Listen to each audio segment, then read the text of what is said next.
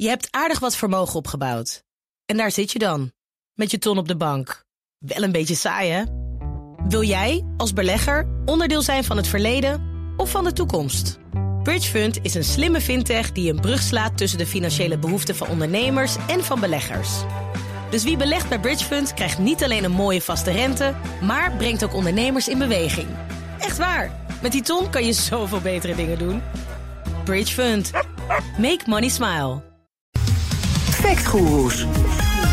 Ja, effectgoeroe tijd met eh, Frank Leeman. Frank, goedemorgen. Ja, goedemorgen. We gaan het over eh, PFAS hebben. En dat is een luxe probleem? Ja, in uh, EW Magazine schrijft Simon Roosendaal dat in een opinieartikel. Hij is wel een bekende wetenschapsjournalist. Uh, het artikel gaat dus over PFAS. En in een soort van toevallige timing was er vorige week bij Zembla een documentaire over de Chemourfabriek in ja. Dordrecht en de 3M-fabriek. Nou, over vervuiling en gezondheidsproblemen. Ik heb hem gezien. Dat zag er niet fraai uit allemaal. Best schokkend, vond ik. Maar in het artikel van Roosendaal noemt hij PFAS dus een luxe probleem. En hij probeert uit te leggen hoe onbelangrijk dit probleem is aan de hand van vergelijkingen met andere giftige stoffen. En ja, eigenlijk het hele artikel springt in het oog, maar ik focus me even op twee beweringen. Hij zegt de Europese norm voor PFAS in drinkwater is 100 nanogram per liter drinkwater. Maar, zegt hij, in procenten is dat 0,0000001 procent. Zo absurd laag, waar hebben we het over, zegt hij dan. En hij zegt kwiklood, sulfaten en PCB's zijn veel giftiger dan PFAS-stoffen. En die zaten voorheen in milligrammen, oh ja. dus heel veel hogere concentraties in voedsel zoals paling. Dus vroeger waren er tenminste echte problemen. Ja. Oh, ja. Nou, en dat zijn beweringen die als leek bijna eigenlijk alleen maar als waar kan aannemen. Zeker met Roosendaal. Die is eigenlijk chemicus huis uit. Ja, ja, ja, het klinkt een beetje als die Spaanse wielrenner ooit. Die uh, ging over uh, bloedwaardes en dit is 0, 0, 0, 0. Maar goed, uh, PFAS. en dan ga ik het hele moeilijke woord proberen uit te spreken. Poly- en perfluor ralkielstoffen. Ja. Oeh, zijn synthetische chemicaliën. Wereldwijd worden ze gebruikt vanwege die handige water- en vetafstotende eigenschappen. We kennen het allemaal van, uh, van de pan. Hè. Uh, wat moeten we er nog meer over weten voordat we naar die beweringen gaan? We kunnen er eigenlijk heel veel over weten, maar ik hou het even beperkt vanwege de tijd. Ja. PFAS is dus een noemer voor zoiets als 6000 verschillende stoffen. Oh. Er is een groeiende hoeveelheid bewijs uh, die wijst op schadelijke effecten van PFAS bij mensen en milieu. Zoals problemen met het immuunsysteem, lever- en nierbeschadigingen, hormonale verstoringen, verhoogd cholesterolgehalte. En bij hele hoge mate van blootstelling zijn er ook aanwijzingen dat, je, dat het kankerverwekkend is. Door de vervuiling zit PFAS al in ons drinkwater mm -hmm. en in voedsel. En belangrijk om te weten is dat als je PFAS binnenkrijgt, via bijvoorbeeld dan drinkwater of zo, dat je lichaam dat niet makkelijk weer afbreekt. En je hoort nu emeritus professor milieuchemie en toxicologie Jacob de Boer. Kijk, dat gaat in je lichaam zitten en dat gaat er pas na een jaar of zeven tot acht dan halveert het. Hè? En dan nog een keer 7, 8 jaar, dat is de halfwaarde tijd. En dan gaat het weer tot de helft. Ja, dus als je vandaag 1 nanogram PFAS binnenkrijgt, dan over 28 jaar pas is dat voor 90% afgebroken door je lichaam.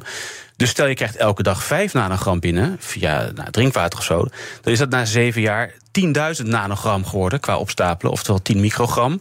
En dat is dan als je het alleen over drinkwater hebt. Maar het zit niet alleen in drinkwater, zegt ook Hans Slenders van expertisecentrum PFAS. Jij krijgt te veel PFAS binnen via voeding. PFAS, en dat is het grote probleem van PFAS, is dat het zit eigenlijk al overal. Het zit overal. Nou, overal dus. Het zit in oppervlaktewater en dus bijvoorbeeld ook in vis. Mm -hmm. Daarin stapelt het op en wij eten dan die vis, dus het stapelt het bij ons weer op. Het zitten sommige eieren, want kippen krijgen grond binnen waar het in zit. Het alle grond in Nederland zit op PFAS. En er zitten ook nog in sommige types, je zei het al, pannen, bakpapier, pizzadozen, zonnebrandproducten, scheerzeep, waterafwerende kleding, vlosdraad, dat je zo lekker langs je tanden oh ja. kan schrapen. Nou, kortom, die blootstelling is echt heel erg wijdverbreid. Je krijgt ja. op heel veel manieren binnen. Goed, maar nu naar die beweringen. Want Roosendaal noemt de norm voor drinkwater absoluut absurd laag. Maar dat accumuleren, dat is dan dus die oorzaak van die lage drempelwaardes. Exact, dat is, dat is waarom. Omdat die halfwaardetijd zo lang duurt en je elke dag meer PFAS binnenkrijgt en je van tientallen microgrammen al nadelige gezondheidseffecten kan hebben. En daar ja, is ook nog ja. een discussie over, maar goed. Dus voor, zo, hè, voor zijn eerste bewering, waarbij hij stelt 0,000, nou ja, whatever, 1% PFAS per liter water, slaat nergens op. Want wat is dat nou, 0, weinig procent? Uh, ja, het is een beetje herhaling, maar daarover nog een keertje Hans Slenders. Die 0,00001% lijkt natuurlijk helemaal niks. Maar kijk, waar het om gaat is... elke Europeaan heeft in zijn bloed zo tussen de 10 en de 20 microgram PFAS. En dat is, dat is dus 10.000 keer zoveel als die 1 nanogram. En dat komt omdat wij stapelen. Ja, tussen de 10 en 20 microgram PFAS. De drempelwaarde is eigenlijk 7. Dus we zitten daar allemaal een beetje boven. Mm -hmm. En het gaat om levenslange blootstelling en daarom is die norm zo laag. Daarnaast reageerde professor Jacob de Boer als volgt. Ja, maar dat is een onzinnig stukje tekst. Dat heeft helemaal geen zin. De ene stof heeft op een heel ander niveau effect dan een ander. Dus het feit dat je dat in procenten uitdrukt is gewoon onzinnig. Dat, dat helpt helemaal niets. Nee, de oude wijze Paracelsus zei het al. Niets is zonder gif, alleen de dosis bepaalt of iets vergif is. Ja, en bij PFAS is die dosis nou eenmaal heel erg klein. En het gaat dus niet om acuut toxicologisch. Je valt niet meteen om als je nu een theelepeltje eet. Maar chronisch toxicologisch. Dus ja, druk het uit in procenten of in breuken of in gewicht. Dit is, uh, dit is wat het is. Oké, maar dan beweert Roosendaal dat kwik, lood, sulfaat, PCB's... allemaal giftiger zijn dan PFAS. Klopt dat dan? We gaan meteen naar professor De Boer. Nee, dat, dat kan je niet zo zeggen. Stoffen hebben hele verschillende eindpunten. Van lood gaat je IQ achteruit, hè, dat is neurotoxische effecten.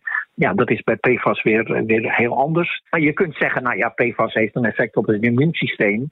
En kanker speelt wel een rol, maar pas bij een hoger niveau. Dus in die zin, ja, hoe, hoe weeg je een effect op een immuunsysteem tegen kanker af? Hè? Dus uh, doe dat maar eens, dat is nog niet zo eenvoudig allemaal.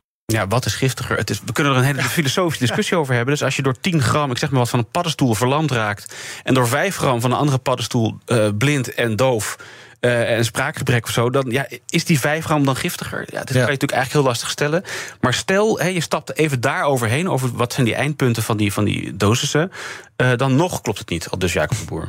En maar sulfaat staat ook in het rijtje. Nou, het is totaal onzinnig om te zeggen dat sulfaat giftiger is dan PFAS. Dat is absoluut niet waar. En PCB dus ook niet. Hè. Die hebben ook een eigen effect. Maar ja, dat is dan weer anders dan PFAS. Dus PFAS komt echt na dioxines al heel snel. En dan komt de rest pas.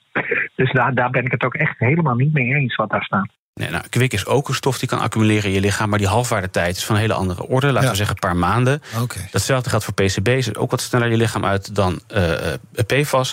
Nou, sulfaten accumuleren helemaal niet, dus dat is helemaal een hele gekke vergelijking. Hm. En dus met hele andere doses giftig dan PFAS-stoffen. Kortom, nou, het artikel informeert echt verkeerd. En er is genoeg waarover je kan discussiëren in dit dossier. Ja. Uh, maar ja, beweren dat het minder giftig is dan kwik of sulfaat... Of dat PFAS, als je de grenswaarde van 100 nanogram in drinkwater... dat is heel weinig, uitdrukt in procenten... en dat het dan alsnog minder klinkt en dat het daarom nergens over gaat...